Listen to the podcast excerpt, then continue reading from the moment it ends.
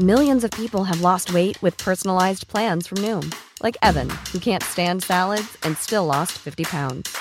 Salads, generally, for most people, are the easy button, right? For me, that wasn't an option. I never really was a salad guy. That's just not who I am. But Noom worked for me. Get your personalized plan today at Noom.com. Real Noom user compensated to provide their story. In four weeks, the typical Noom user can expect to lose one to two pounds per week. Individual results may vary. Everyone knows therapy is great for solving problems, but getting therapy has its own problems too, like finding the right therapist, fitting into their schedule, and of course, the cost. Well, BetterHelp can solve those problems. It's totally online and built around your schedule. It's surprisingly affordable too. Connect with a credentialed therapist by phone, video, or online chat, all from the comfort of your home. Visit betterhelp.com to learn more and save 10% on your first month. That's BetterHelp, H E L P. Hiring for your small business? If you're not looking for professionals on LinkedIn, you're looking in the wrong place. That's like looking for your car keys in a fish tank. LinkedIn helps you hire professionals you can't find anywhere else, even those who aren't actively searching for a new job but might be open to the perfect role. In a given month, over 70% of LinkedIn users don't even visit other leading job sites. So start looking in the right place. With LinkedIn, you can hire professionals like a professional. Post your free job on linkedin.com slash people today.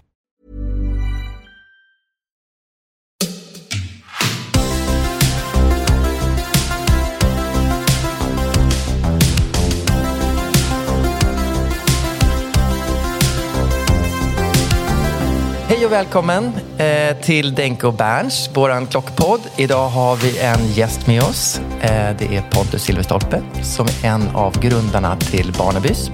Eh, hej Pontus! Hej! Hej! Kul! Jättekul! Vi har pratat om det här ett tag, eh, att få till det här inspelade avsnittet. Ja. Mm. Ska vi börja lite grann rakt upp och ner? Börja Mm, med dig. Ja. Eh, vem är du? Professionellt så har jag mitt förflutna inom auktioner på Bukowskis. Där var i många år. Eh, och, sedan, eh, och där drev jag bland annat något som heter Lilla Bukowskis på den tiden. Som var lite föregångaren får man väl säga till det som sen blev Bukowski Market och on- online-auktionerna. Ah. Eh, och sen gick jag vidare till Omells konsthandel. Vilket var ganska ovanligt på den tiden att någon rörde sig mellan liksom, auktionsbranschen till handeln.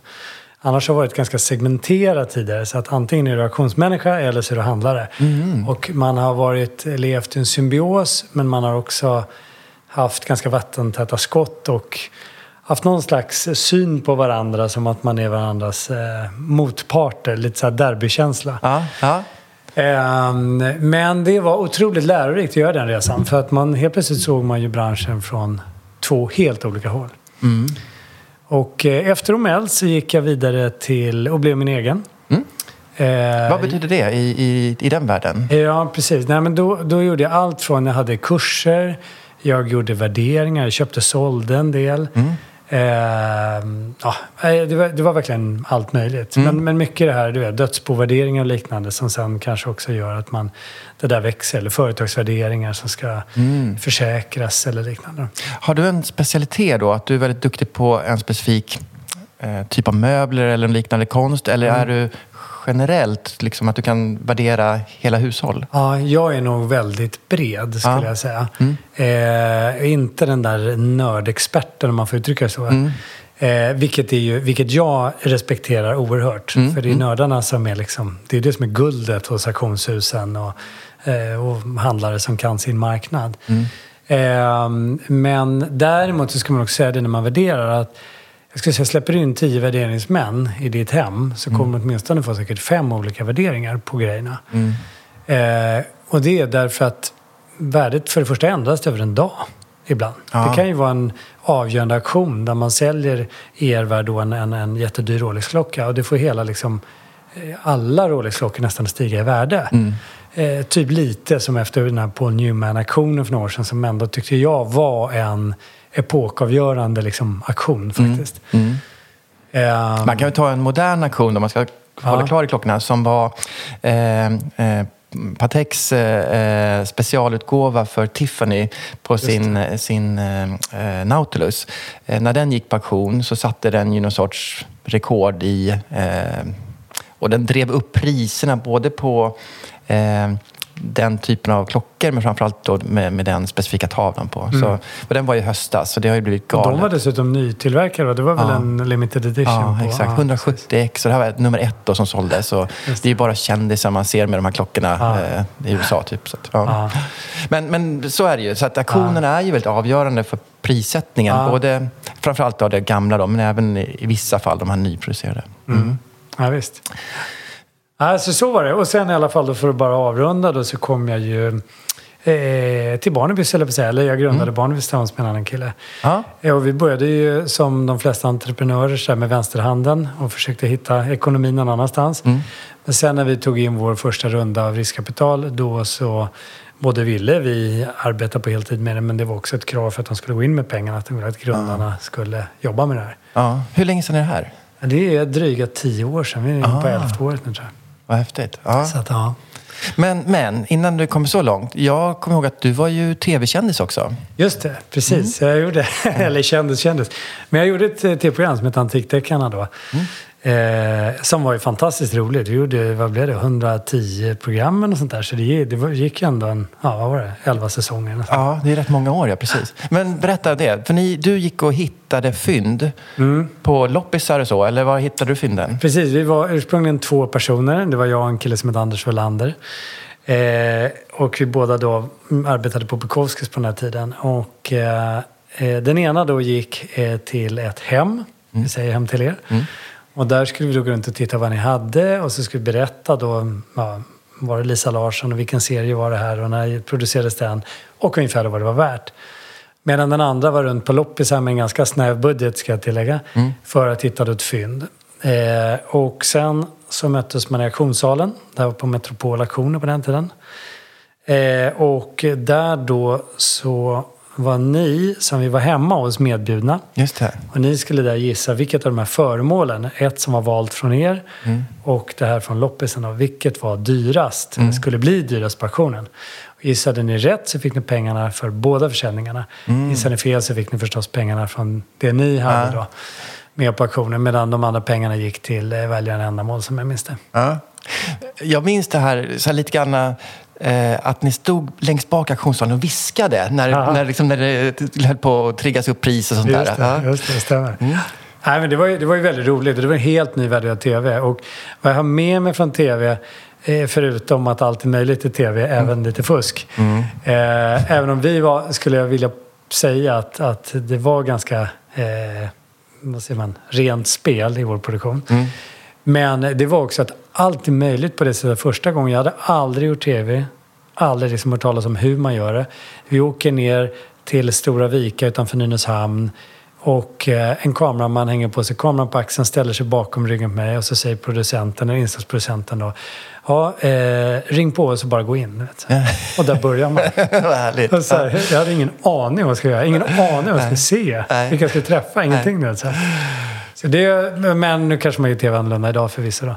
Men det var ju väldigt roligt. Och det som man framförallt har med sig är att det är en väldigt positiv energi i tv.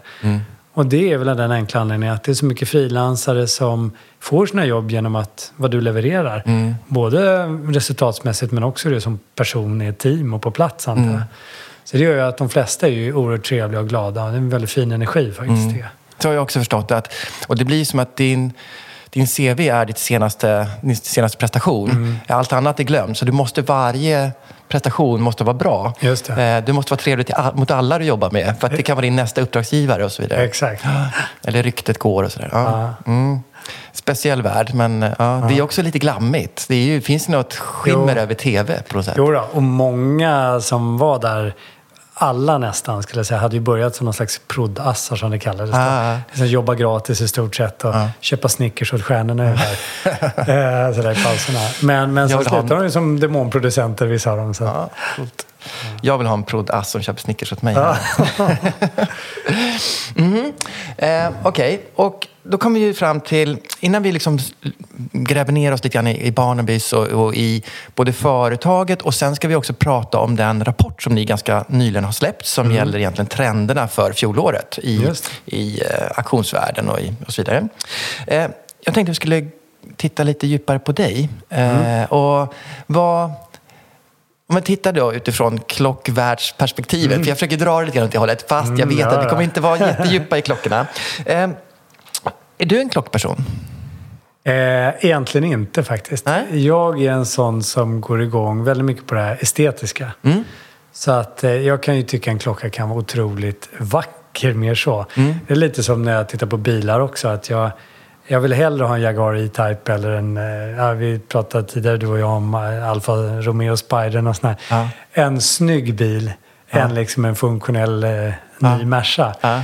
Men det är klart att sen när du väl liksom sätter dig i bilen, ja men då vill du ju också ha en prestanda. Mm. Och så vill också, det är klart att klockan, klockan ska ju fungera och liksom, Mm. ja det ska ju...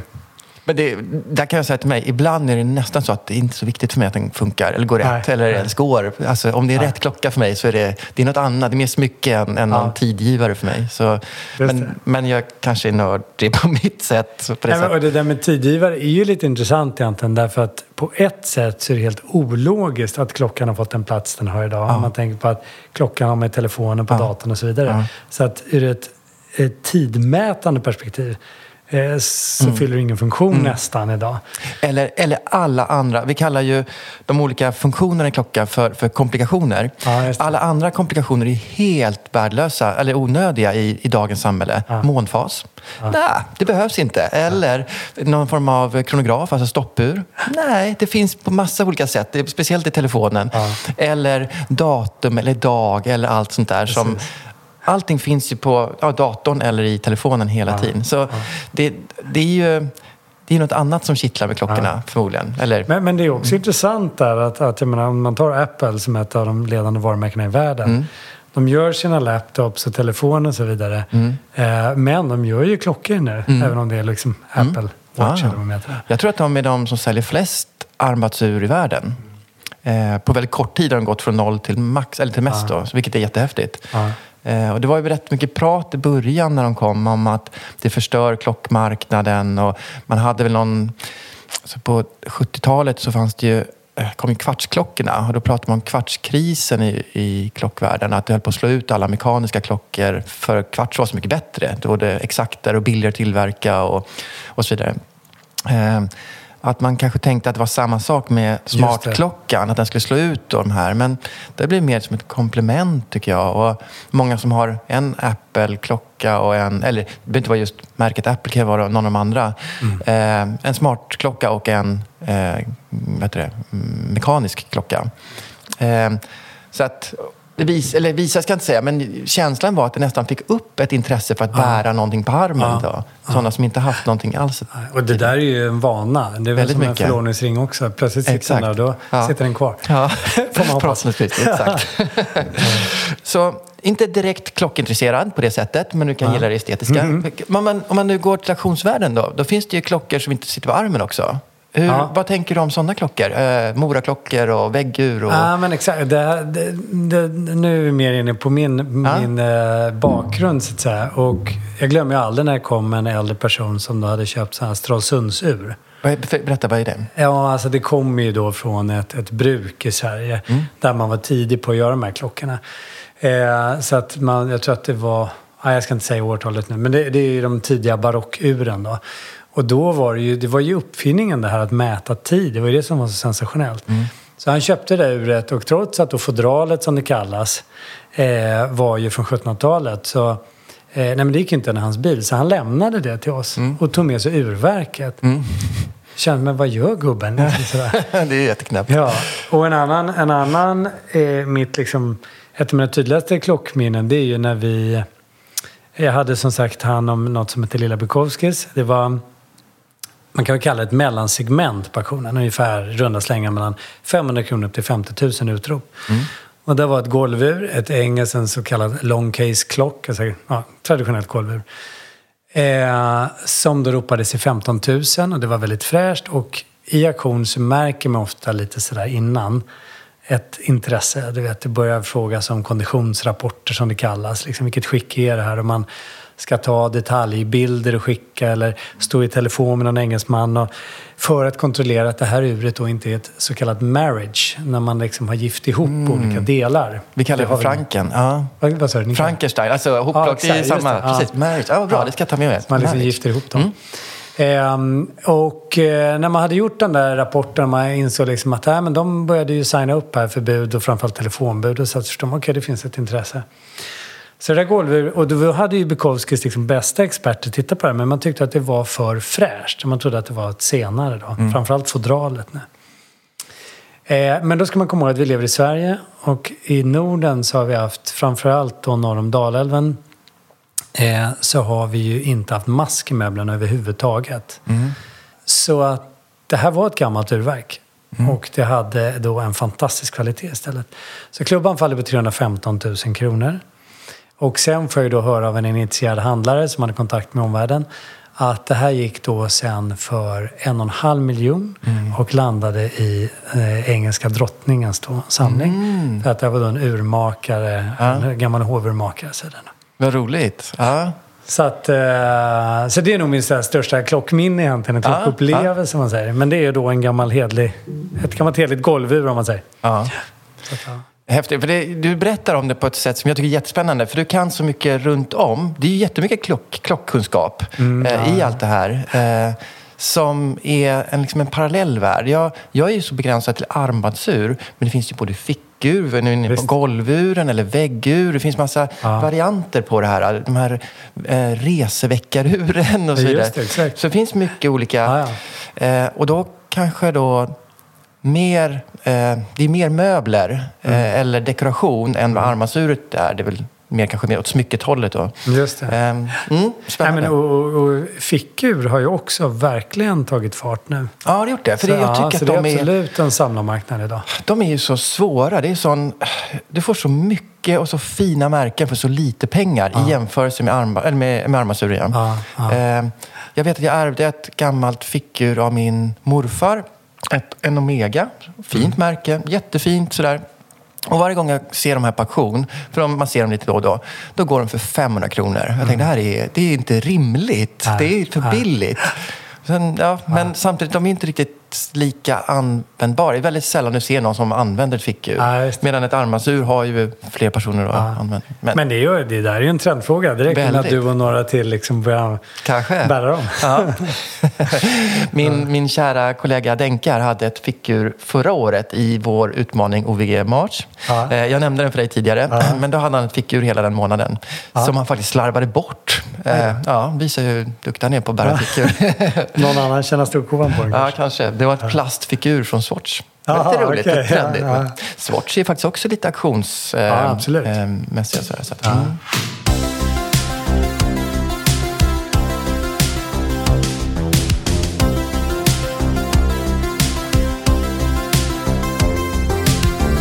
Vi vill också komma in på företaget, på mm. Barnabys, och mm. liksom höra lite grann, vad, vad är Barnabys? Eh, för jag använder ju er söksajt lite grann, men många som lyssnar tror jag inte riktigt vet vad Barnabys är Nej. och vad ni gör. Just det. Mm. Nej, men Barnabys är i grunden en söksajt. Mm. Och en söksajt är ju där man hittar saker helt enkelt. Mm. Eh, och vi har då valt att kategorisera det så att vi säger att det är då um, Art Design, Antiques and Collectibles. Och collectibles är väl då till exempel klockor, det kan vara vin, det kan vara veteranbilar, frimärken, Pokémon cards, whatever egentligen som mm. går på auktion. Mm. Eh, men i söksajtens natur är ju, vi blir kallade någon gång i Le Figaro, den franska tidningen, för Google för konst. Eh, nu är det mer än konst, men det är väl lite förenklat som ett Google. Mm. Men nischat och därmed också har vi filtrerat sökningen. Så att när du söker på Google, ja, men då kan ju du hamna på lite vad som helst egentligen. Även om Google har ju jobbat enormt mycket med sin relevans sen vi startade för tio år sedan. Mm. Eh, men här om du söker Rolex på Barnabys, ja men då får ju du Rolex. Sen kan det möjligtvis vara en bok om Rolex-klockor och så vidare. Mm. Men det som auktionshusen har med i sin titel, eh, det är det som, som, eh, som visas för dig. För det är väl också viktigt att säga att sök, det du söker är ju inte internet, du söker auktionssajter, auktion, auktioner. Med... Auktioner och till viss del då handlare, och lite handlare. Mm. second hand-marknader ja. kan man säga. Mm. Um, så om jag skriver in uh, eh, Rolex och kanske ett referensnummer. Då får jag upp vilka aktuella eh, aktioner som har den här klockan eller klockmodellen eh, i sin kommande aktion. Ja, exakt. Så då kan man säga då får du förenklat en träfflista. Mm.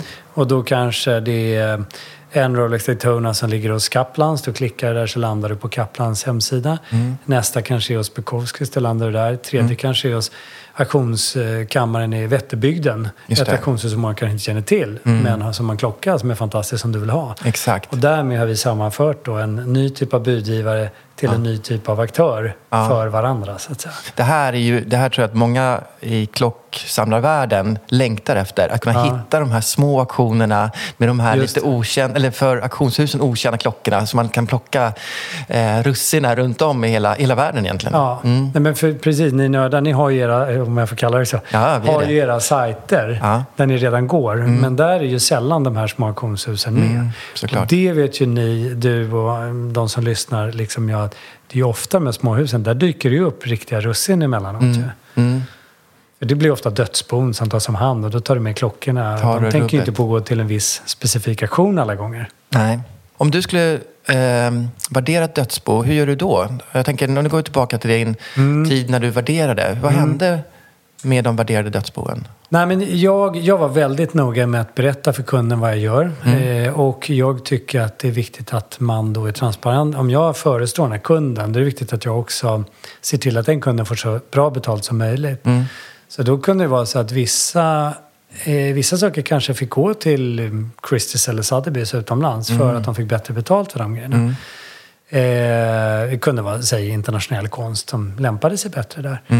Mm. Eh, medan kanske någon annan då, mm, nej men är det en dalahäst så historiskt har det sålt bäst på Dalarnas auktionsbyrå exempelvis. Ja, okej. Mm. Eh, klockor, ja då vet kanske du bättre, men då har vi till exempel Philips internationellt som är ett stort hus, men vi har ju då Kaplans Bukowski som jag just nämnde. Uppsala auktionskammare har ju nu anlitat Tony Frank som eh, ny expert, vilket kommer antagligen göra dem hårdsatsa på det här och förhoppningsvis blir en, en eh, ny stor aktör inom klockbranschen. Det, det ska bli jättespännande att följa, verkligen. Så, att, så, att, nej, men så jag tycker att där har man ett stort ansvar. Vissa lämnar ju bara till ett auktionshus för att man har en bra deal. och Liksom, så. Men jag tycker att det är viktigt att man... Här företräder jag ju min uppdragsgivare. Ja, spännande. Gör du fortfarande de ty- typen av uppdrag? Eh, värderingsuppdrag? Ja, men jag gör det ibland. Jag Ibland, gör det ja. mest sådär bekanta och du Ja, vet. okej. Men... Eh, nej, men jag kan eh, absolut. Jag kan ta mig an det liksom kvällar och helger. Så. Ja, okej. ja, spännande. får du ringa mig när du hittar fina klockor. Ja, så absolut. ska jag tipsa.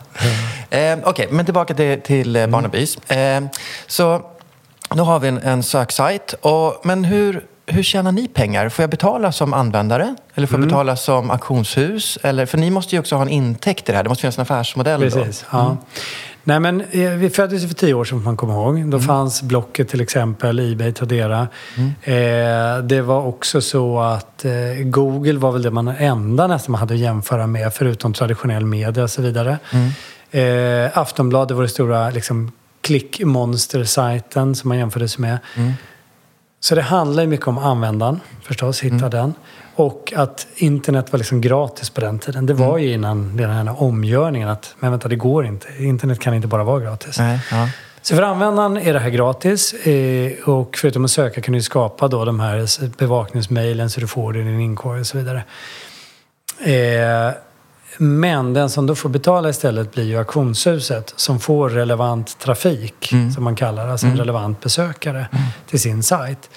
Eh, och det gör man ju ofta på Facebook, Instagram, Google med Google AdWords och så vidare Precis. redan idag. Så det blev en jämförbar modell då. Och den kallar man CPC, Cost per click.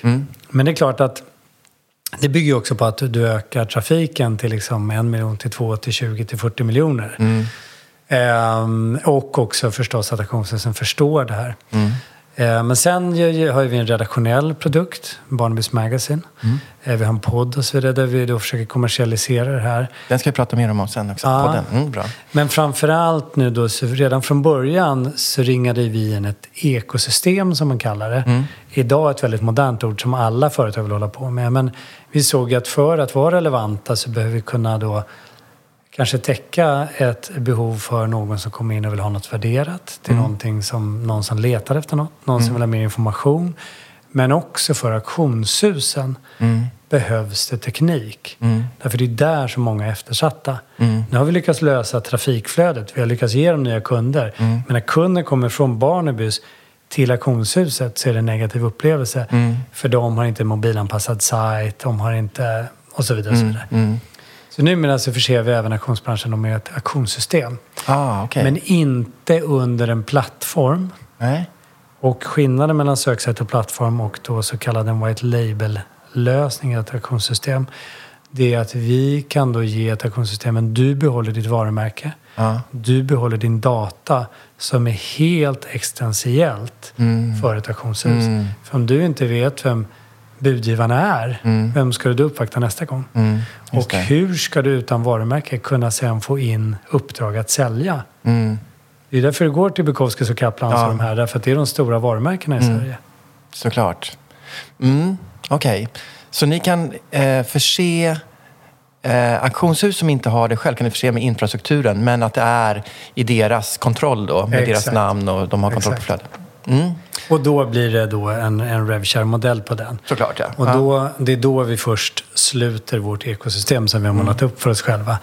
Eh, och, ja, det är där vi befinner oss idag. Ja. Så då har ni utvecklat produkten från bara ren sökning till också att kunna hjälpa mottagarna av trafiken med eh, teknik. Mm.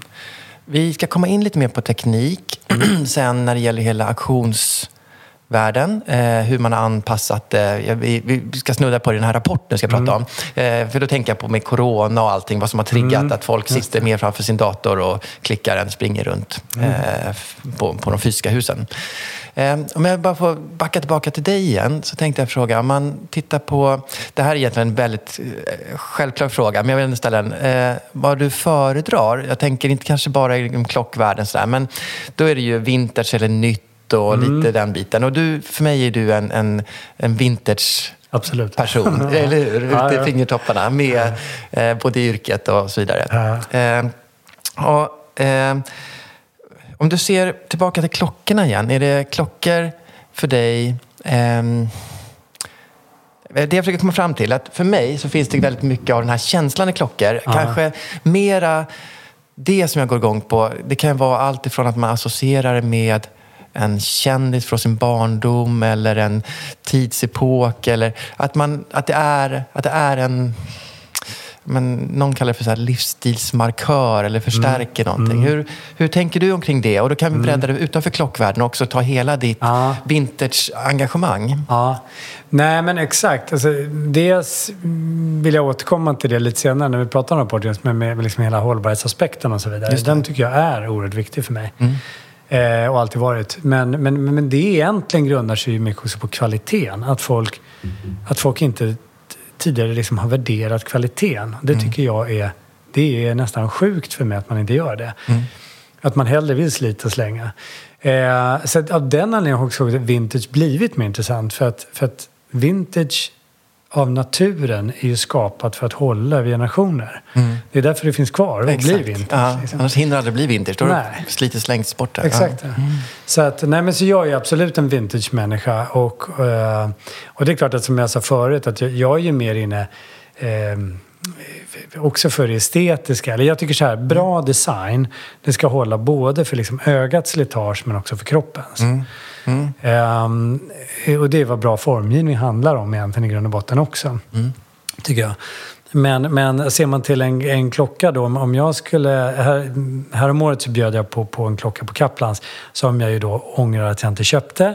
För så är reaktionsbranschen, man ångrar bara det man inte köper Så normalt. sant. Eh, och det var då en, en, eh, jag vet inte om jag uttalar rätt men en Gerard Pergaud-klocka. då. Och det är väl inget fantastiskt klockmärke, men den var så otroligt snygg. Eh, och där kan man ju tycka, jag menar, jag... Jag vill inte ha några fördomar om människor. Eh, jag, jag är absolut inget modelejon själv.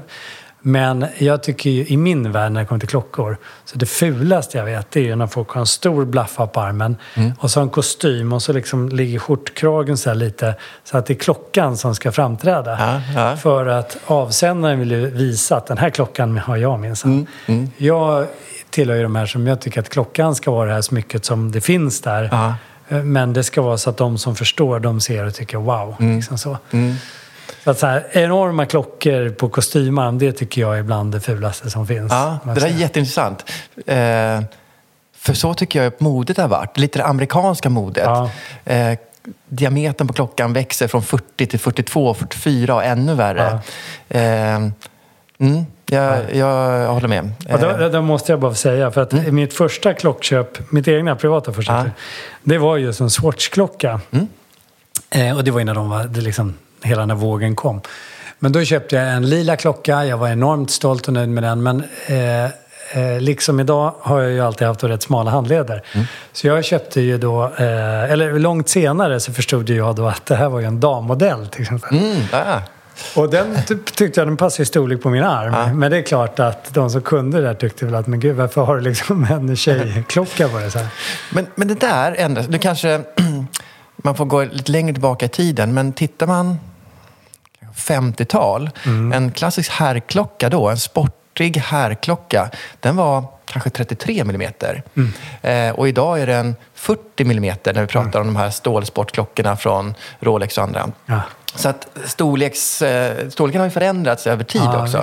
Ja. Eh, sen finns det ju lite trender och moden och lite modeller som sticker ut och sådär. Men eh, det har gått mot större. Men jag, jag vill tro att det börjar smalna ner till att Ja. hamna på lite mindre igen. Ja. Att eh, det här lite diskreta. Eh, det. Men det finns väldigt olika spår. För tittar man värdemässigt på klockor, de som är absolut dyra, som har gått upp mest i värde nu, Mm. det är ju sådana som syns jättemycket. Eh, de som har en tavla som är Mm. färgglad eller som har ett utseende, en form som sticker ut som är annorlunda. Det är de som är de dyraste. Så det är inte de diskreta. Så det, är Mm. Lite, det. det. finns väl olika spår i det här. Det- Och det tror jag också, anledningen till att priset sticker där, det är också att du har, det kommer vi in på sen också, men att man har en det är ny marknad som är beredd att betala för de här klockorna. Och där handlar det om att klockan är ju en statussymbol ytterst. Eh, för en samlare kan det vara något helt annat som styr. Det kan vara proveniensen, vem har ägt klockan? Ja, det kan vara... gillar jag. Ja, eller hur? Och, det, och jag med. och det kan ju vara, vara liksom att, eh, ja men skönheten exempelvis, eller, eller eh, det tekniska, Ja. hur urverken uppfattas. eller något som jag också gillar, det som är det här när det är naturligt slitage. Ja, absolut. Eh, så att den har, ja. Mm. ja, exakt. Att den har fått kanske eh, en liten annan färgskiftning på någon del som gör att det blir ännu mer intressant. Mm, absolut, ja, jag håller helt med. Men nu känner jag, nu kan jag inte hålla med längre. Nu vill jag att vi går in i rapporten. Jag har suttit och läst den här rapporten. Jag visar. Jag har suttit, eh, den, vad är den, 20-30 sidor. Ja, eh, och jag har suttit med så överstrykningspenna som man gjorde förr i tiden. Och, Så det här har varit jättekul. Jag, jag gillar sånt här. Ja. Eh, man tittar på den. Något som jag tyckte om att ni har skrivit i, i rapporten, det är att ni har använt, man tittar, delat upp marknaden och, och om vi börjar med det här demografiska i ålder och kanske lite kön också eh, hos, och då, då är det de användare, de som söker via Barnemys sökmotor, eller hur? Det är de vi analyserar Ja, just nu. precis. Mm. Stämmer. Mm. Eh, bara för att börja med det här. Jag tycker ju om att ni har använt eh, det här med boomer och, och Mm. genera- generation X och, och eh, millennial och så vidare. Eh, för att kategorisera folks olika beteenden. Mm. Kan, inte, kan, kan vi inte börja i den änden? Att du berättar lite grann om eh, vad, vad skiljer de här olika grupperna av eh, potentiella köpare Ja. sig ifrån? Ja, men, eh, så om man börjar ännu liksom, tidigare. Så jag brukar alltid ta det här helikopterperspektivet Ja. när man pratar om marknaden. Och då är det klart att vi, alla liksom har ju velat komma åt den här yngre målgruppen. Och det är lite som eh, vi pratade tv tidigare, att man vill liksom åt de här eh, reklam... Alltså företagen vill nå den här jätteunga målgruppen. Trots att den kanske inte ens tittar på det här tv-programmet. Och då har man ju alla, det här millennials har varit ett begrepp som hela marknaden vill åt. Hur når vi dem, hur når vi dem, hur når vi dem? Eh, och då skulle jag säga, då, då handlar det ju om att de flesta som kliver in på marknaden när du är 25 år, du har inte särskilt mycket pengar. Du är inte initierad i marknaden. Så du börjar ofta på en låg nivå. Och där har ju online-beteendet varit liksom ingången. Det har varit, man har gjort det, man filar ner trösklarna. Det är hela idén med barn i BC också, fila ner trösklarna. Det ska inte vara sex tunga trappsteg upp till något grevinnedagis där väldigt många är exkluderade. Utan alla är välkomna. Liksom. Jag gillar det ordet, grevinnedagis. Ja, ja, men det var vad man kallade Bukowskis en gång i tiden. Vad bra. Ja. Ja. Nej, men så, och där har man ju lyckats, inte minst Bukowskis har gjort det förändringsarbetet. Där man har lyckats fila ner trösklarna då. Och välkomna en helt ny målgrupp. Och då kommer ju de in, men sen gäller det ju att behålla den här målgruppen. Och följa dem också i deras finansiella utveckling. Mm. Så att när de får bättre jobb, börjar tjäna mer pengar, börjar intressera sig för klockor, då köper de inte Swatch utan de börjar titta på Omega, sen Rolex, Patek Philippe och så vidare. Och så vidare. Ja, ja. Eh, så där försöker man ringa in de här lite grann. Och då, eh, för att försöka komma till sak här nu då, så ser man ju olika beteenden förstås. Eh, eh, både hur de söker på sajten, eh, vad de söker på och så vidare. Och eh, lite spännande är ju att se att den yngre målgruppen tittar mycket på nostalgia igen, eller no- nostalgic items så att säga. ja. Och till exempel under covid så det första vi såg var att till exempel skrivbord ökade markant. Mm. Och då, det var ju när alla skulle sätta upp kontor och kanske inte mm, ville ha Ikea utan ville ha något liksom, Ja. ja, Svenskt Tenn eller vad du nu vill ha. Ja. Gustavianskt eh, skrivbord. Ehm, och sen kom, kom ju andra saker, nattduksbord. och Liksom, man kunde se hur liksom, hemmet började möbleras Ah, upp. roligt. Ja. Men också samlarföremål, som till exempel brädspel har fått ett jättestort uppsving. Mhm. Eh, gammal teknik, alltså gammal typ av eh, konsoler och tv-spel. Mm. Men också mynt har stigit otroligt. Det har jag hört ganska Ja. nyligen. Ja. Ja. Och, jag läste såklart i rapporten Det har också. blivit ett jättesamlarråd i mynt. Och även då frimärken har kommit tillbaka till exempel. Äntligen. Jag har kvar min samling. Ja. Nu. nu. Jag med. Jag har kört i någon låda. Ja, men så att, det- och det där är ju intressant. Och det är klart, i vår bransch, i världen överhuvudtaget, så är det så pendeln svänger jämt. Mm. Ibland är det lågkonjunktur, ibland är det högkonjunktur. Ibland är det samtida konst, ibland är det äldre konst. Och så vidare och så vidare.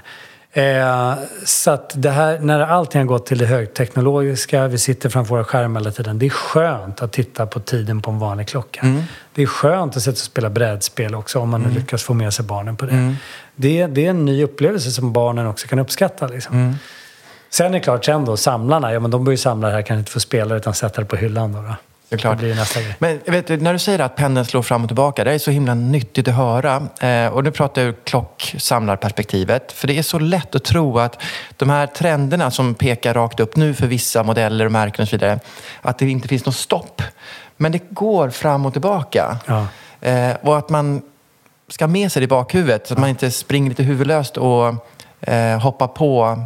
För oftast när man hoppar på så är det Ja. lite sent i cykeln på något sätt. Exakt. Nej, men inga träd växer till himlen. Men det är ju också så här, och det här tycker jag är ett intressant fenomen det här, eh, som vi touchar i rapporten också. Det är ju att förstahandsmarknaden är ju mycket mer intresserad av andrahandsmarknaden.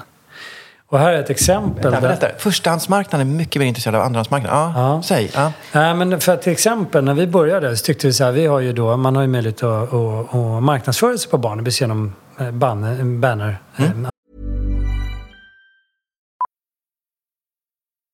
Millions of people have lost weight with personalized plans from Noom, like Evan, who can't stand salads and still lost 50 pounds. Salads, generally, for most people, are the easy button, right? For me, that wasn't an option. I never really was a salad guy. That's just not who I am. But Noom worked for me. Get your personalized plan today at Noom.com. Real Noom user compensated to provide their story. In four weeks, the typical Noom user can expect to lose one to two pounds per week. Individual results may vary. Hey, it's Ryan Reynolds, and I'm here with Keith, co star of my upcoming film, If, only in theaters, May 17th. Do you want to tell people the big news? All right, I'll do it. Sign up now and you'll get unlimited for $15 a month in six months of Paramount Plus Essential Plan on us. Mintmobile.com slash switch.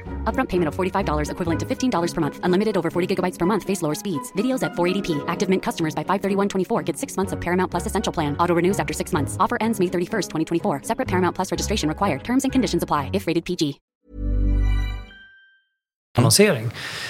Och då tyckte jag, men en solklar annonsör och så måste ju vara Rolex. Eftersom vi har, Rolex är ett av våra mest sökta ord.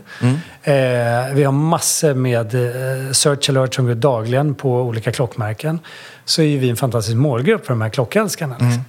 Okej, då hör man oss till Rolex. Säger Rolex, nej vi annonserar ingenting på andrahandsmarknaden. Då tänker jag så här, men det här är ju helt fel. Jag. Därför att det är ju andrahandsmarknaden som bygger värdet på förstahandsmarknaden. För om jag känner mig trygg med att köpa en Rolex-klocka på förstahandsmarknaden så gör jag det när jag vet att den går att omsätta på andrahandsmarknaden. Det är sant. Ja. Men kan jag köpa en klocka för 100 000 och sälja den på, för 80 000 om, om två år? Ja, men då är jag ju mycket tryggare att köpa den än att den kanske är värdelös Ja. dagen efter. Och det här försökte jag få liksom klockföretag att förstå. Och nu ser man ju att nu börjar till och med vissa klockmärken köpa in sig i de här sajterna som handlar med andrahandsmarknaden. Mm. Vi ser ju man tittar på att vad funkar på andrahandsmarknaden när man ger ut en ny kollektion. Mm. Och man gör gärna i limited edition dessutom. Så att du vet att du kan sälja dem jättedyrt. Mm. Och dessutom så ser du ju att intresset då och priserna på andrahandsmarknaden eh, ökar ju då hela ja. tiden. Då kan du bibehålla just den här pendelns svängning mm. längre tror jag. Mm. Och du kan dessutom vara med om att styra det här. Och få datan och trenderna. Så du själv kan forma dem både på första och andrahandsmarknaden och mycket mera. Och det här är någonting vi ser eh, mm. utvecklas tror jag mycket inom 5-10 närmaste åren. Tror du, nu, nu är jag lite ute på djupt vatten, men det är okej. Okay. Eh, jag lyssnade på någon som talade om lite åt det här hållet för en liten, liten stund sedan, bara någon vecka sedan. Eh, då berättade de, jag tror att det här var ett klockmärke som heter Lange och Söne, eh, mm. som lite tidigare, de, det är ett independent-märke som är väldigt, väldigt eh, efterfrågat just nu. Men för inte så många år sedan så var det, de var inte värda så mycket och de eh, tappade ganska mycket värde eh, från ny, ny eh, köpt till begagnatmarknaden. Mm. Eh, och då gick företaget in och köpte på auktioner. Eh, de gjorde det för att sen kunna renovera upp och sälja det igen i någon pre-owned-variant. Men det var ett sätt också att säkra andrahandsvärdet på sina klockor. Nu är det ju en independent-tillverkare som inte gör så många klockor, så de kunde ju mm. på något sätt hantera det här. Mm. Men att det sen också kanske var an, en anledning till att märket tog fart ordentligt. Ja, att, att man absolut. sköter om sin andrahandsmarknad själv, man vårdar Exakt. den. Mm. Exakt, och det, jag tror att, jag tror personligen att andrahandsmarknaden generellt, inte bara klockor, kommer mm. gå om förstahandsmarknaden mm. inom några år. Eh, Hur menar du gå om per klocka eller i total omsättning? Nej, nu pratar jag om total omsättning. Ja. Jag tror att, det säger sig självt, miljön klarar inte det här slit och slängbeteendet. Nej. Eh, vi måste sluta konsumera som vi har mm. gjort. Det är mm. den enkla lösningen. Det är ungefär som att liksom sluta äta kött. Det är en massa människor som är vegetarianer idag. Mm. För att man har förstått liksom hur det påverkar eh, med att föda upp de här korna och sen slakta dem och hela den här biten. Mm. Mm. Det gör att folk tar ett aktivt val. Vi kommer välja att handla på andrahandsmarknaden. Eller och förstå då att handla kvalitet som håller mm. att omsätta igen och igen. Och, igen. Mm. Eh, och med det sagt, då, så du nämnde det här begreppet pre-owned. Mm. Och jag tror då att utvecklingen nu, det blir att fler och fler kommer eh, behärska sin egen andrahandsmarknad. Precis det, på det mm. sätt som du beskriver. Det kan gälla eh, Filippa K eller Ikea. Mm. Och det tror jag också kommer göra att auktionsmarknaden framåt kommer se annorlunda ut. Det stora hotet för de här jättarna ute i världen är inte konkurrenterna som idag finns. Utan det är när liksom Ebay, Facebook och så vidare börjar ta de här marknadsandelarna. Eller Ikea själv börjar sälja sina föremål istället för, alltså på andrahandsmarknaden. Ja, istället för att någon annan ska tjäna pengarna. Intressant. Jag vad, vad, är skillnaden då mellan att vårda eller kontrollera sin andrahandsmarknad och att manipulera den? För det ja. kan ju också finnas någon form av incitament att du köper på dig massa av en viss produkt ja. för att värdet ska öka. Och då äger du massor av det här som har blivit mer ja. värt. Nej, och, och, så kan det ju vara. Men då...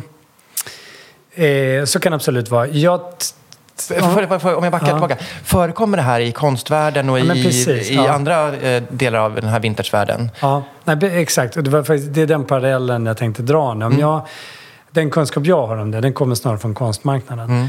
Och då brukar det straffa sig själv. Men det är precis som i aktiemarknaden, några tjänar förstås tillräckligt med pengar på det. Mm. Men de som kommer in sent mm. eh, torskar om man ja, tycker så. Ja, Svarte Petter liksom. Ja, och där ser man ju, det finns ju gallerier som har underhållit sin andrahandsmarknad för mm. vissa konstnärer för att då kunna eh, liksom hålla sin förstahandsmarknad vid liv. Mm. Men det där brukar ta ut sin rätt mm. efter tillräckligt lång tid. Ja.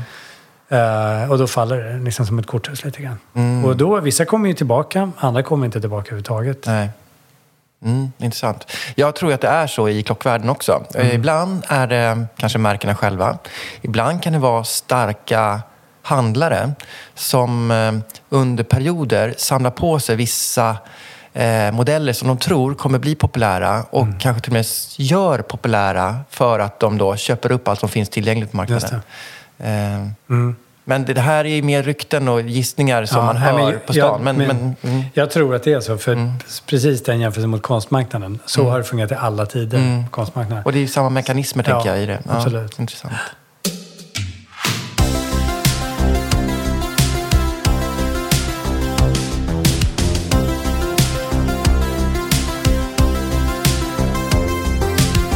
Om vi går tillbaka till eh, er rapport här Mm. och tittar på vad var, vad var specifikt då sig- signifikant för 2022, coronaåret 2022, Mm. eh, som ni märkte i förändrade trender och eh, beteenden? Mm. Om man ska ta det som grova... Ja, men precis. Nej, men det, det stora var ju det att det var ju verkligen året då alla gick online. Och eh, jag menar, Barnbys kände av det här också när corona kom. Att eh, liksom alla auktionshus fick ju panik. Alla ställde in auktionerna. Det, vi hade inga, eller liksom, våra kunder hade inga auktioner plötsligt. För man tänkte bara sätta det på hold. Men de som låg och puttade med nätauktioner fick bättre betalt än någonsin. Och plötsligt började alla inse, men vänta, vi, vi, vi kör. Och så satte man igång auktionerna och det gick bättre än någonsin. Och 2021 var ju, skulle jag säga, världens bästa år för auktionsbranschen. Ja. Någonsin. Ja. Eh, det var absolut ett rekordår. Och det handlade mycket om att skiftet gick online. Och då var det ju inte bara, publiken fanns ju delvis online. Men framförallt så gick alla auktionshus var tvungna att ställa om sig och gå online. Och det gjorde ju att du då kunde, ett franskt litet auktionshus kunde ju få en svensk klockköpare. Eh, eller vice versa. Så att säga. Jag fick en större publik helt plötsligt. Mycket större publik. Och dessutom så hade man väl mer tid, vissa hade mer pengar för man la det inte på resor och det här som man har diskuterat.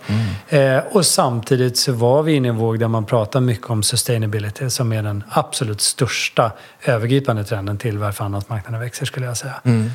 Eh, och det ligger ju på ett hela tiden. Och jag menar, tittar du på influencers idag så varenda liksom 35 plus influencer pratar ju om allt han köper på auktion och på loppis och så här. Det, det är ju det som, skulle jag säga, eh, bekräftar de som är influencers idag. För tidigare har det ju varit ett slit och släng. Det är bara nya produkter och de har ju fått betalt som influencers för att balansera nästa, nästa, nästa. Det har ju inte varit något ansvarstagande där. Nej. Nu får ju de också kritik för det beteendet. Och då, vad gör de då? Jo, men tittar inte på andrahandsmarknaden för att legitimera sig själva.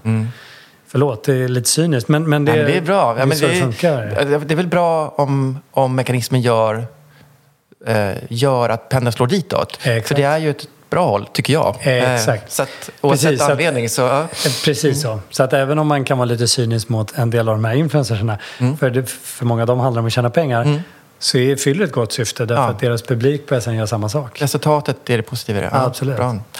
Ehm, finns det skillnader då inom... Jag tänker så här, det är ganska, klockor är ju jättebra för auktionshus. Mm. De är relativt dyra, de är väldigt små, de är lättransporterade. Du kan skicka dem hela världen. De är lite känsliga i och för sig, men det går Mm. ju att paketera så de går att hantera. Ehm, det borde vara en bra auktionsprodukt. Men sen kommer vi till då eh, Moraruret, Moraklockan. Mm. Jättestor skrymmare, inte så jättedyr. Eh, det känns som det finns mycket eh, varor som inte är så auktionsvänliga Nej. I jämförelse. Nej, men det, där har du helt rätt. En av anledningarna tror jag, till att klockor har gått så fantastiskt bra på auktion är just att det är en global marknad och Mm. de är lätta att skicka.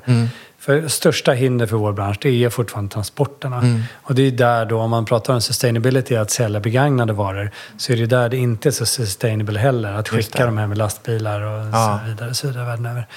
Men, men, men, men, men, men det man ser under covid är ju just det här också att man har ju börjat handla mycket mera cross-border som vi kallas, Mm. alltså över gränserna. Och där ser vi till exempel tyska marknaden har yrvaket vaknat upp nu äntligen. Mm. Eh, Där de har ju varit otroligt analoga. Liksom. Mm. Men, men då ser man också lite irrationellt beteende på Barnabys. Mm. Då går de in på barnabys.com för att söka liksom, saker utanför deras land. Ja. När allting redan ligger på barnabys.de eh, listat. Det är bara att... För vi har då åtta olika sajter Ah. Jag på åtta tänkte olika fråga, språk. okej. Ja, okej. Eh, Vilka, men- vilka språk, eller vilka länder finns ni då? Bara för att ta det. vi finns i Sverige Mm. som är eh, vår största marknad fortfarande därför att det var här vi grundades och har funnits längst. Eh, och vi också är ett väldigt aktionstillvänt folk skulle jag säga. Det är en folkrörelse. Eh, sen har vi USA eh, som nummer två. Sen har vi England, Frankrike, Tyskland, Italien, Spanien och eh, Hongkong. Eh, Och det som är intressant här det är ju också att vi, vi gör ju det här magasinet på i stort sett alla de här språken. Inte spanska och kinesiska. Nej. Eh, vilket gör, men däremot skickar vi ut det på engelska till de länderna. Så nyhetsbrev och vårt magasin ligger där. Så att man tilltalar också en publik på deras språk. Mm, smart. Pratar du med franska användare så är det en klar bonus kan man ju säga. Ja, just det. Pratar du franska? Ja, mycket obegripligt höll jag på att säga. Jag kan ingen franska. nej, nej, jag kan beställa några öl eller något. Ja, det är bra. Kanske riktigt. Eh, men vill du berätta skillnader då mellan länderna i trender och så? Just det. Nej, men man, vad man kan säga är ju... Det skiljer sig ju åt förstås. Eh, men, men, men de här, ska man säga, tunga kategorierna. Det är ju konst och grafik. Eh, är ju ofta den ledande kategorin. Men det har också att göra med att det, ju, det finns så mycket på Barnabys. Det finns de här människor som ändå handlar med liksom, konst och grafik. Så. Eh, men eh, eh, sen, är, sen är det lite olika. I Sverige är vi roade av furniture design till exempel. Inredning. Här har vi också sett att många av våra användare är ju kvinnor i säg ungefär 35-45 års åldern. Och de är inredningsintresserade.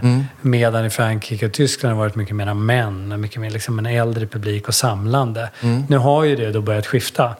Så millennials har ju vuxit då, alltså den här, vad ska man säga? Jag säger fortfarande unga målgruppen, men ungefär min målgrupp och neråt.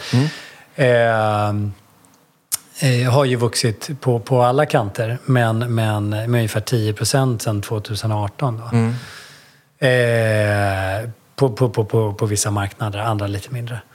Eh, men vad ska jag komma till? Jo, men däremot så är det också så vi ser intresset för keramik ökar på vissa håll och kanter. Ja. Och då brukar vi, vi kalla den eh, kategorin för porslin, men där är ju mycket den här 1900-talskeramiken som varit supertrendig. Eh, på ett glo- globalt plan. Då. Men sen är det ju klockor och juveler är väldigt stort. Och då söker man mycket på eh, varumärken också. Och det är Just också det. en stor trend. Att du söker på liksom konstnärsnamn, du söker även på auktionshusens namn på Barnabys. Men framförallt då söker du på Omega, Rolex, Ja. eh, du söker på... på, på Kanske modehusens Exakt. namn så. Ja. Så Cartier till exempel är en, ehm, har väldigt mycket sökningar hos oss. Och också just på klockor då, Cartier-klockor. till De har, de har gått, blivit jättepopulära senaste året kan jag säga. Ja. Eh, Så det, det har verkligen hänt någonting där. Ja. Gått upp i pris och det pratas och används. Och Ja. det, är ju, det är en konstig klocka för mig. Jag har själv ingen Cartier. Nej. Men det är lite tjejstorlek på stora, kraftiga killar. Liksom. Det, Ja, just det. det. Det, ser, och, den, och de ska vara så. Och det är så, Ja. det är, så är liksom modellen. Så att Ja. helt plötsligt så är det snyggt med den lilla klockan, vilket är roligt på det sättet. Ja, just det. Jag bara tänker också så här, det finns ju en stor asiatisk marknad som bekant. Är det också så att asiater har väl också lite smalare armar generellt? Är det också en... Ja, jag tror Ja, att det- man har alltid pratat om, eller alltid pratat, men jag har alltid hört att eh, de klockorna som kanske ligger på runt 36 mm går mycket starkare på den asiatiska marknaden eh, än om man jämför med den amerikanska. Den amerikanen vill ha den stora klockan och asiaten vill ha den diskreta lilla klockan. Då. Men, så att det, finns ju, det finns ju trender i det. Men samtidigt tror jag inte att det påverkar Eh, om du har en aktion i Hongkong så har du ändå den internationella publiken. Precis. Så att det är inte, spelar inte så jättestor roll. Det är bara att den skickas lite längre eller lite kortare Just eh, det, efteråt. just Gissar jag. Men, Ja. ja. Något som jag tänkte ta upp, som jag tyckte var intressant, det var att titta på eh, förändringarna i trenderna för de olika regionerna som jag jobbar med. Eh, och se lite grann vilka kategorier som har gått upp och ner och så vidare. Och det är ganska still, även om det är några förändringar skett. Men det som stack ut var att klockor ligger som nummer två på samtliga marknader utom i Sverige. Att det är inte våra... Jag tänker att det är bara klockor jag söker på, för det är mitt huvud. ja, det. Men Ja. att det, är, det ligger inte högst upp. Det här kom porslin och det kom möbler och Just konst det. och så vidare högre. Ja. Eh, Det tycker jag är intressant. Precis, och jag tror att det finns eh, lite olika anledningar till det. Eh, jag tror att eh, klockmarknaden är som bekant global. Eh, klockpubliken var också väldigt, ti- det såg vi tidigt, de sökte globalt. Eh, de söker online, de är vana vid det. Shippingen, återigen, Mm, enkelt, eh, har inte varit en, em, ett hinder. Eh, på samma sätt som om du skickar en soffa till exempel. Men också just det här du pratar om i Sverige. Så tror jag att vi blev tidigt en, en väldigt stor sajt i Sverige. Och fångade in en bred publik som söker allt möjligt. Ska jag säga. Och just det här, jag pratar om mycket inredning och så. Eh, sen har vi mycket klocksökningar i Sverige också förstås. Men de kategorierna... Eh, jag tror vi kom in där eh, lite innan klockmarknaden stack, om du förstår Ja, menar. ja. Så där etablerade vi en tung, stor publik. Och det tror jag är snarare anledningen. Eh, för som du säger, det toppar ju. Jag menar, tittar man på siffertal så i Frankrike har ju ökning, på, på vår franska sajt då, har ökningen för sökordet Rolex ökat med 701 procent ja, eh, under senaste året. det, ja, det är ordentligt. Så det är en ganska imponerande siffra får man säga. Mm. Och om vi går tillbaka, eller om vi fångar upp just det då med sökorden. Det vanligaste sökordet, är det Rolex? Eh, ja, där har man ju lite på olika, olika marknader då. I Sverige så var det ju länge Svenskt Tenn och Josef Frank och det här Ah, vad inredningstrenden. roligt. Men det är nu toppat av konstnären Lars Lerin och har varit ett bra tag. Ja. Eh, och, eh, eh, men sen kommer ju Rolex i nummer ett av klockorna. Och det är liksom, inom topp 10 har man Rolex, även Omega finns där. Eh, och sen har vi lite smyckesmärken så här. Lite längre ner kommer då Lyngard, Georg Jensen. Eh, och då har ju man Georg Jensen, Torun Bülow Hybes fantastiska eh, klocka också. Hos Georg Jensen som är ett toppobjekt som sökes Ja, ja, eh, jag från förstår. Georg Ja. Jensen. Så att säga. Eh, och Cartier inte minst. Alltså. Mm. Eh, men, men, nej, men Rolex finns, Rolex och Omega finns i ja, snudd på topp 10 i alla fall i alla länder ska jag säga. När jag tittar på klocktrender, eh, alla, alla ska jag säga, men jag försöker alltid gissa och tro och försöka förstå varför saker beter sig som de gör. Så tänker jag då att under corona så helt plötsligt så fanns det ganska mycket folk med pengar. Vi sa att man sparade pengar på att man inte reste runt, både företag och privatpersoner. Man hade inga semestrar, man, man, man höll sig hemma och man fick lite pengar över och så gör man av med dem på någonting som gör en glad. Och då tror jag att klockorna fick ett litet uppsving, ett corona-uppsving lite grann. Ehm, det som jag tycker man har sett senaste året, eller halvåret i alla fall, nej året kanske det heter med, det är att nya, väldigt moderna klockor, sådana som går att köpa idag i butik, har blivit jättedyra. Att det inte är sånt som har slutat tillverkas, utan sånt som ja, fortfarande finns i produktion. Eh, och då är det inte bara att de är, kanske säljer för samma pris som i butiken, utan det kan vara långt över, kanske dubbelt, kanske tredubbelt, kanske tio gånger dyrare än i butikens priser. Att vissa modeller har stuckit så otroligt mycket. Eh, min eh, gissning av varför det är så är att eh, kanske att Winters kanske gick upp lite grann tidigare. Det var lite tidigare i, i cykeln. Och nu kommer det moderna ikapp. Eh, men också att det är en ny publik som köper. Kanske inte egentligen en klockintresserad publik, utan en publik som har pengar över och ser det här som en alternativ placering. Så man kan se på konst och man kan se det på eh, köpa en fond i en annan marknad eller köpa en fastighet. Att, att, att placera sina, sina eh, extra pengar på ett litet... Eh, ja, men sprida sina risker lite grann. Ja. Då, tänker man så, då är det mycket lättare att köpa en ny producerad eh, Rolex eller eh, något annat av de märkena som då går starkt. Eh, för då behöver du inte vara så duktig på klockan. Precis. Den är ny. Det är inte så mycket som kan ha hänt. Det är ingenting som kan ha blivit utbytt Nej. vid en gammal service. Eller, vi behöver inte ha så mycket kunskap i det. Nej. Att det har jag fått för mig driver. Du har en annan publik som köper helt plötsligt. Ehm, tror, du jag, tror du som jag? Eh, och tror Mm. du, kan du se det på andra marknader också? Nej, men absolut. Jag, jag tror som du. Jag tror att det, det är faktiskt en, en mer okunnig publik, får man säga. Och där också, eh, som du var inne på tidigare, här, att vem har burit klockan och slitaget på vinjensen, vad säger den dig?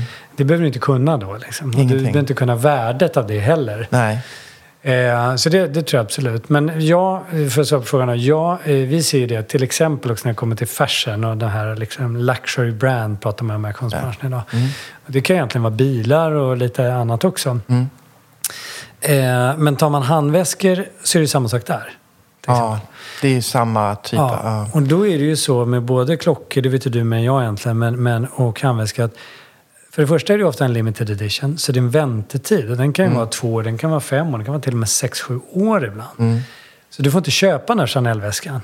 Eh, eller du får liksom ställa dig snällt i kö. Och då är det klart, då blir det här en chans att också få den här Medan det är mode liksom att ha den och visa det som en... Och då pratar vi statussymbol väldigt mycket. Ja.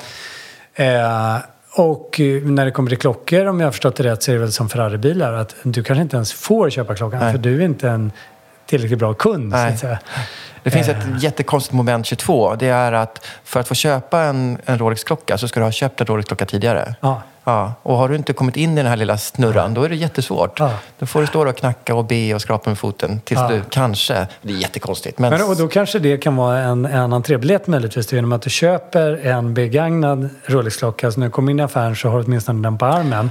Ja, kanske. Jag kanske. Ja. Samtidigt finns det då, det här är också något, jag vet inte riktigt, det här får du se om, om eh, Chanel och de andra handväskföretagen gör likadant. Men eh, ADn, alltså eh, de auktoriserade återförsäljarna, de tycker inte om att man säljer sin klocka som man har köpt hos dem. Nej, just det. Eh, det är till och med så med så att du kan bli straffad för det. På det sättet, då får du aldrig mer köpa igen. Det. Eh, och det hänger väl ihop med, jag ska inte säga att det är en avundsjuka, men faktum är att om du köper en åtråvärd modell för 100 kronor så kan du sälja den dagen efter för 200. Du kan sälja den sekunden efter att gå ut ur butiken för det dubbla, eller vad det nu är. Och det här är ju något som inte är så jättetrevligt. Den här handlaren har ju gjort dig en tjänst att du har fått köpa den. För du har genast tjänat pengar. Om du går och släpper den här klockan då. Så att därför finns det ju handlare som ibland håller certifikaten Eh, ett visst, om det är två år eller något liknande, för att du inte ska sälja klockan. Eller om de Jaha, det märker att den inte. säljs. För man kan ju se på certnumret att ah, det här var den som sålde till, till Pontus här igår. Ah, Jaha, ja, ja. och så ligger den i den här andrahandsbutiken. Då, stryker jag honom, då sätter jag upp honom på svarta listan. Han får aldrig mer handla här. Just. Så att handlarna, och det här tycker jag, det finns ju någonting i det här som är lite läskigt. För om du går in och köper en klocka, det är ju din egendom. Ja, du ja, ja, måste visst. få göra Ja. vad du vill Ja, med din egendom. Jo, du kan ju hamna i ett trångt läge ekonomiskt. Ja, eller kan, ja, precis. Ja. Men det här finns en, en liten konflikt just nu i, i marknaden. Just för att andrahandspriserna är långt över eh, butikspriserna. Och det blir en konstiga mekanismer i det här. Och ett osunt beteende på många sätt. Så att, Men man får ju komma ihåg någonstans att det handlar om lyxkonsumtion någonstans. Och, och att det är ju när man köper det här som vi pratar om, nya klockorna. Så i min värld är det ju en alternativ placering som du nämner. Mm. Men också är det ju statussymboler väldigt mycket. Eh, Det här ser vi ju i konst och allting. Och, Ja, det är så, eh, ja. Jag menar som aktiemarknaden också, att de som kommer sist in blir ofta de som blir värst drabbade. Mm. Sådär. såklart.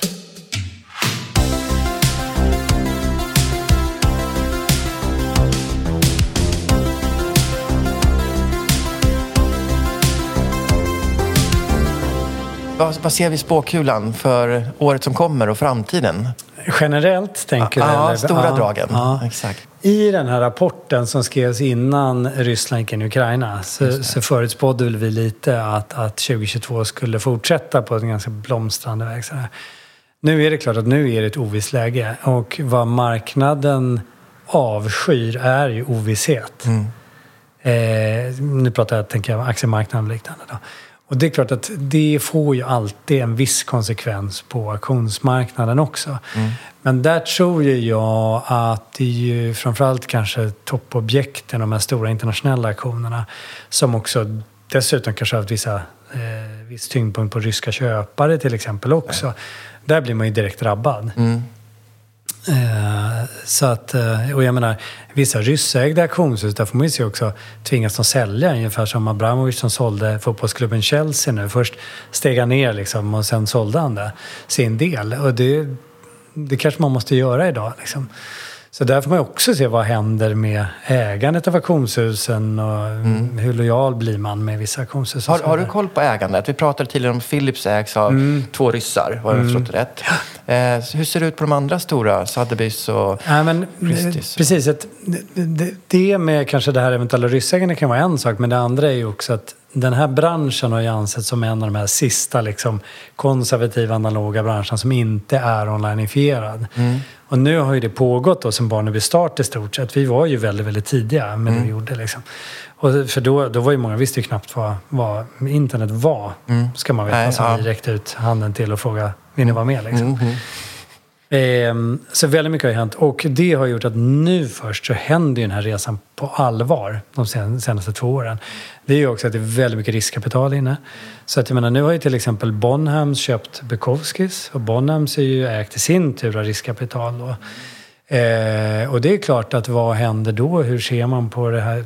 Vad, vad är det för utveckling man vill se? Man vill skapa globala stora företag med synergieffekter. Framförallt som också ska då ge ett värde till ägaren förstås. Och, så. Mm. och hur får det en impact? Här. Eh, och hur vissa plattformar börjat köpa auktionshus. Vilket gör ju i min värld att de kan inte längre kalla sig plattformar utan de blir auktionshus de facto. Ja. Eh, och börjar konkurrera med sina egna kunder. Ja. Alltså tidigare kunder, det vill säga de auktionshusen som de då har tagit datan ifrån. Just det. Och använder då till de husen de själva äger. Mm. Och, det här, och vissa plattformar börjar köra egna auktioner. Du har ju Artsy som gör egna auktioner, till exempel på Konstsidan eller Artnet. Och så här. Mm. Ja, men då börjar du egentligen konkurrera om intaget med dina kunder. Just det. det heligaste de har. Ja. Så att det händer ju väldigt mycket i branschen generellt. Och vi har ju vår vision glasklar, vad vi tror är, är framtiden. Sen gäller det bara att vara uthållig och att branschen också kommer dit. Mm. Eh, och det har vi ju sett att det tog tio år att komma dit vi är idag. Mm. Så det kommer nog tyvärr ta fem år till liksom, innan man förstår att okej, det här är logiken för att bygga en framtid. Ja. Det handlar om att kunna äga sitt eget öde. Ja. Men tror du, tror du också, det, försöker- eller det jag läser in i det du säger, att det sker någon form av konsolidering i branschen Ja, också? precis. Och kanske en annan struktur, att du inte bara är ett auktionshus, eller inte bara är eh, en plattform, utan helt plötsligt blir det kanske andra nya konstellationer. Ja. Eh, och kanske något som vi inte riktigt har tänkt på idag, som också kommer eh, adderas till Ja. eh, helheten. Men också där varumärket blir enormt viktigt. Och det är ju det vi ser, på, inte minst i klockbranschen också. Och då blir också aktörernas varumärken väldigt viktiga. Jag kan dra en parallell nu som är högaktuell om man tar med, med Ukraina. Eh, där ju nu Ryssland stänger ner Instagram, Facebook och så vidare. Hur många företag idag är det inte som är helt beroende av då Facebook eller Instagram eller Google eller en plattform? Tänk om den stängs ner eller säljs eller blir någonting annat. All din data, allting ligger där. Du har ingenting kvar. Förutom dyr, dyr hyra och dyr personal. Ja, exakt. Och det här är liksom branschen, nu har man ställt om sig till att bli online. Nu handlar det om vad gör vi med det här? Och vad finns potentialen i framtiden och så vidare. Så det, det är det liksom mera i branschperspektivet. Då. Sen tror jag att, om man tar heli- helikopterperspektivet igen, att eh, hållbarheten, det är A och O. Det att andrahandsmarknaden kommer växa förbi förstahandsmarknaden, det är A och O. Det är där vi ska bygga auktionsbranschen eller den här eh, andrahandsmarknaden. Eh, och där finns all potential och då måste man förstå vilken är nästa generation. Vi pratar mycket om millennials här som den här köpstarka gruppen. Men nästa generation som man kallar då generation Z eller Z då. Eh, eh, med de här som liksom är upp till 25 år. Det är ju de som nu blir nästa generation som ska börja få jobben, tjäna pengarna. Ja. Vad är det de vill ha? Vilka användarbeteenden måste man anpassa sig för för att nå dem? Är det TikTok istället för Instagram exempelvis? Mm. Det, det här, eh, jag tänker hela med det här med Greta och hennes arbete och rörelse med miljö och, och, med, och det är också hållbarhet såklart. Mm. vart ju pausat av corona och nu lite grann av, av Ukraina-Ryssland, fokuset. Tror du att när de sakerna är ur världen, om det nu sker, eh, att det kommer få tillbaka fokus? Hållbarheten, miljön eh, och alltså allt med den här eh, globala uppvärmningen och den här krisen som vi kände att det är och var då. Eh, att vi får tillbaka det på första sidorna igen. Och Ja. det också då är, egentligen kommer tillbaka till med hållbarhet och Ja. eh, återanvända eh, Ja. och inte bara slit och släng. Nej, men det tror jag. Och jag tror också, jag menar, det är redan nu lite så även om kriget har mycket fokus, Mm. eh, förståeligt, så är det också så att bensinpriserna går upp. Mm. Eh, och plötsligt så börjar folk kanske ta bussen istället för att det blir för dyrt att åka bil och så Mm. vidare. Redan där, så att, redan nu tror jag vi tänker indirekt på miljön. Ja. Min dotter kom hem och berättade för mig vad de lär sig i skolan om hur mycket liksom, eh, av jordens resurser som går åt för köttuppfödningen. Och jag har liksom, du vet, jag har ju hört det så här, men jag har inte riktigt liksom sett siffrorna beskrivet visuellt för mig, vilket hon gjorde för mig 17 år vid matbordet. Och plötsligt så är det så här, okej, där trillar egentligen, jag har ju vetat om det, men där, där trillade polletten verkligen ner i mig. Så. Mm. Och, och i, hos henne också, som då vet om det redan vid starten. Exakt. För oss, vi är ju för sent. Ja, men, men, men så lite, de man kan alltid ändras, bra. men, men Ja. det är väldigt djupt rotat Ja, exakt. Ja. Mm. Jag tror så här. Eh, så länge det är oro i världen, så länge det är krig, kriser, katastrofer, eh, folk flyr och så vidare, då vill man ha ekonomisk trygghet som man kan stoppa i sin ficka. Mera än att man vill ha eh, kanske eh, bankkonton och sådär. Man vill ha guld, till exempel. Mm. Och jag tror att man ser ofta att guldpriserna rusar när det blir Ja. krig och kris. Eller i de länder som du har katastrofer. Då är det det du får med dig. Du kan, Ja. du kan grabba en näve guld och springa och så, har, så kan du köpa ditt nästa hus.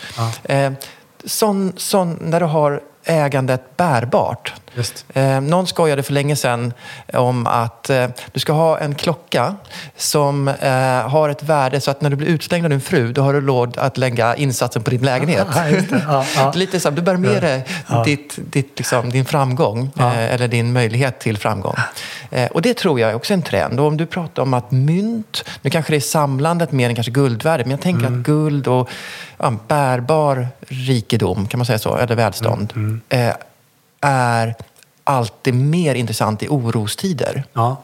Nej, men det var, tror, jag absolut. Och det, blickar man tillbaka till andra världskriget så var det ju det var ju fruktansvärt med den utrotning som fanns. Men det fanns ju de judar som också tog sig vidare till USA, Sverige, vad du vill. Många gånger var ju vägen dit just det där. Man hade en tavla man kunde sälja eller man hade guldet eller vad du Ja. pratar om. En porslinsvas eller någonting. Och det var det som faktiskt var räddningen med båten över eller liknande. Just det. Och jag tror också om man tittar på en stor del av diamanttillverkningen sker i Ryssland exempelvis. Och det är klart, nu ska man inte handla med Ryssland.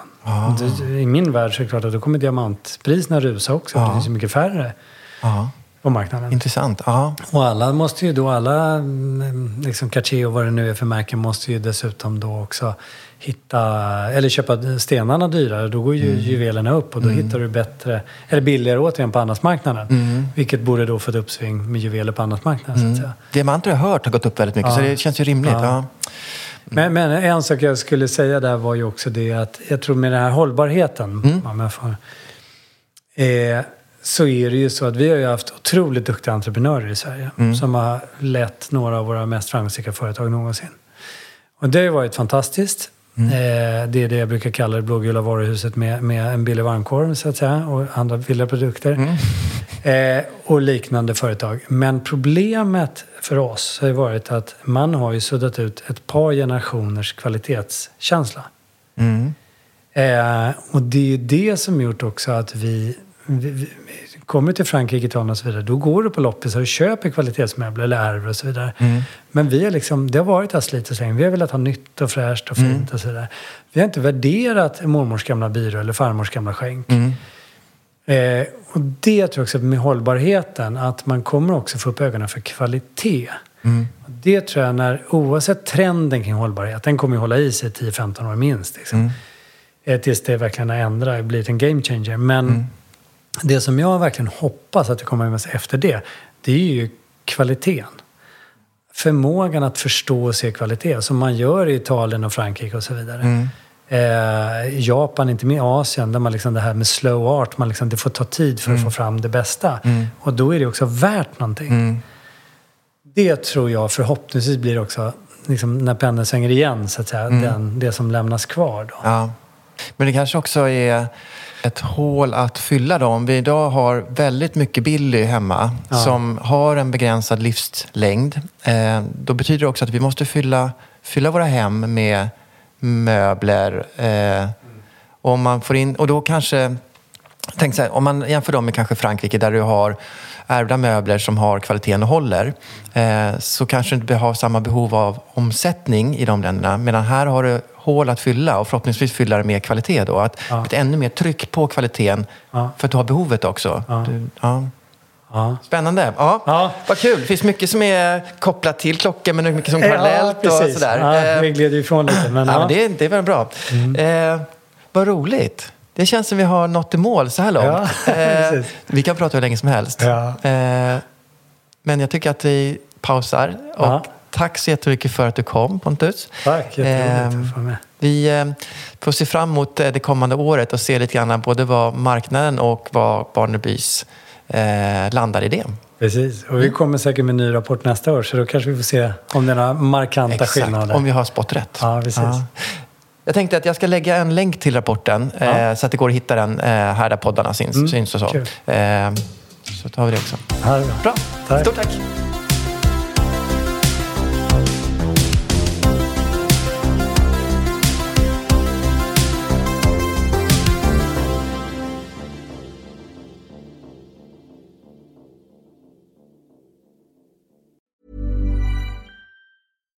Mom deserves the best, and there's no better place to shop for Mother's Day than Whole Foods Market. They're your destination for unbeatable savings, from premium gifts to show-stopping flowers and irresistible desserts. Start by saving 33% with Prime on all body care and candles. Then get a 15-stem bunch of tulips for just $9.99 each with Prime. Round out Mom's menu with festive rosé, irresistible berry chantilly cake, and more special treats. Come celebrate Mother's Day at Whole Foods Market. Even when we're on a budget, we still deserve nice things. Quince is a place to scoop up stunning high-end goods for 50 to 80% less than similar brands. They have buttery soft cashmere sweaters starting at $50, luxurious Italian leather bags, and so much more. Plus, Quince only works with factories that use safe, ethical, and responsible manufacturing. Get the high-end goods you'll love without the high price tag with Quince. Go to quince.com slash style for free shipping and 365-day returns.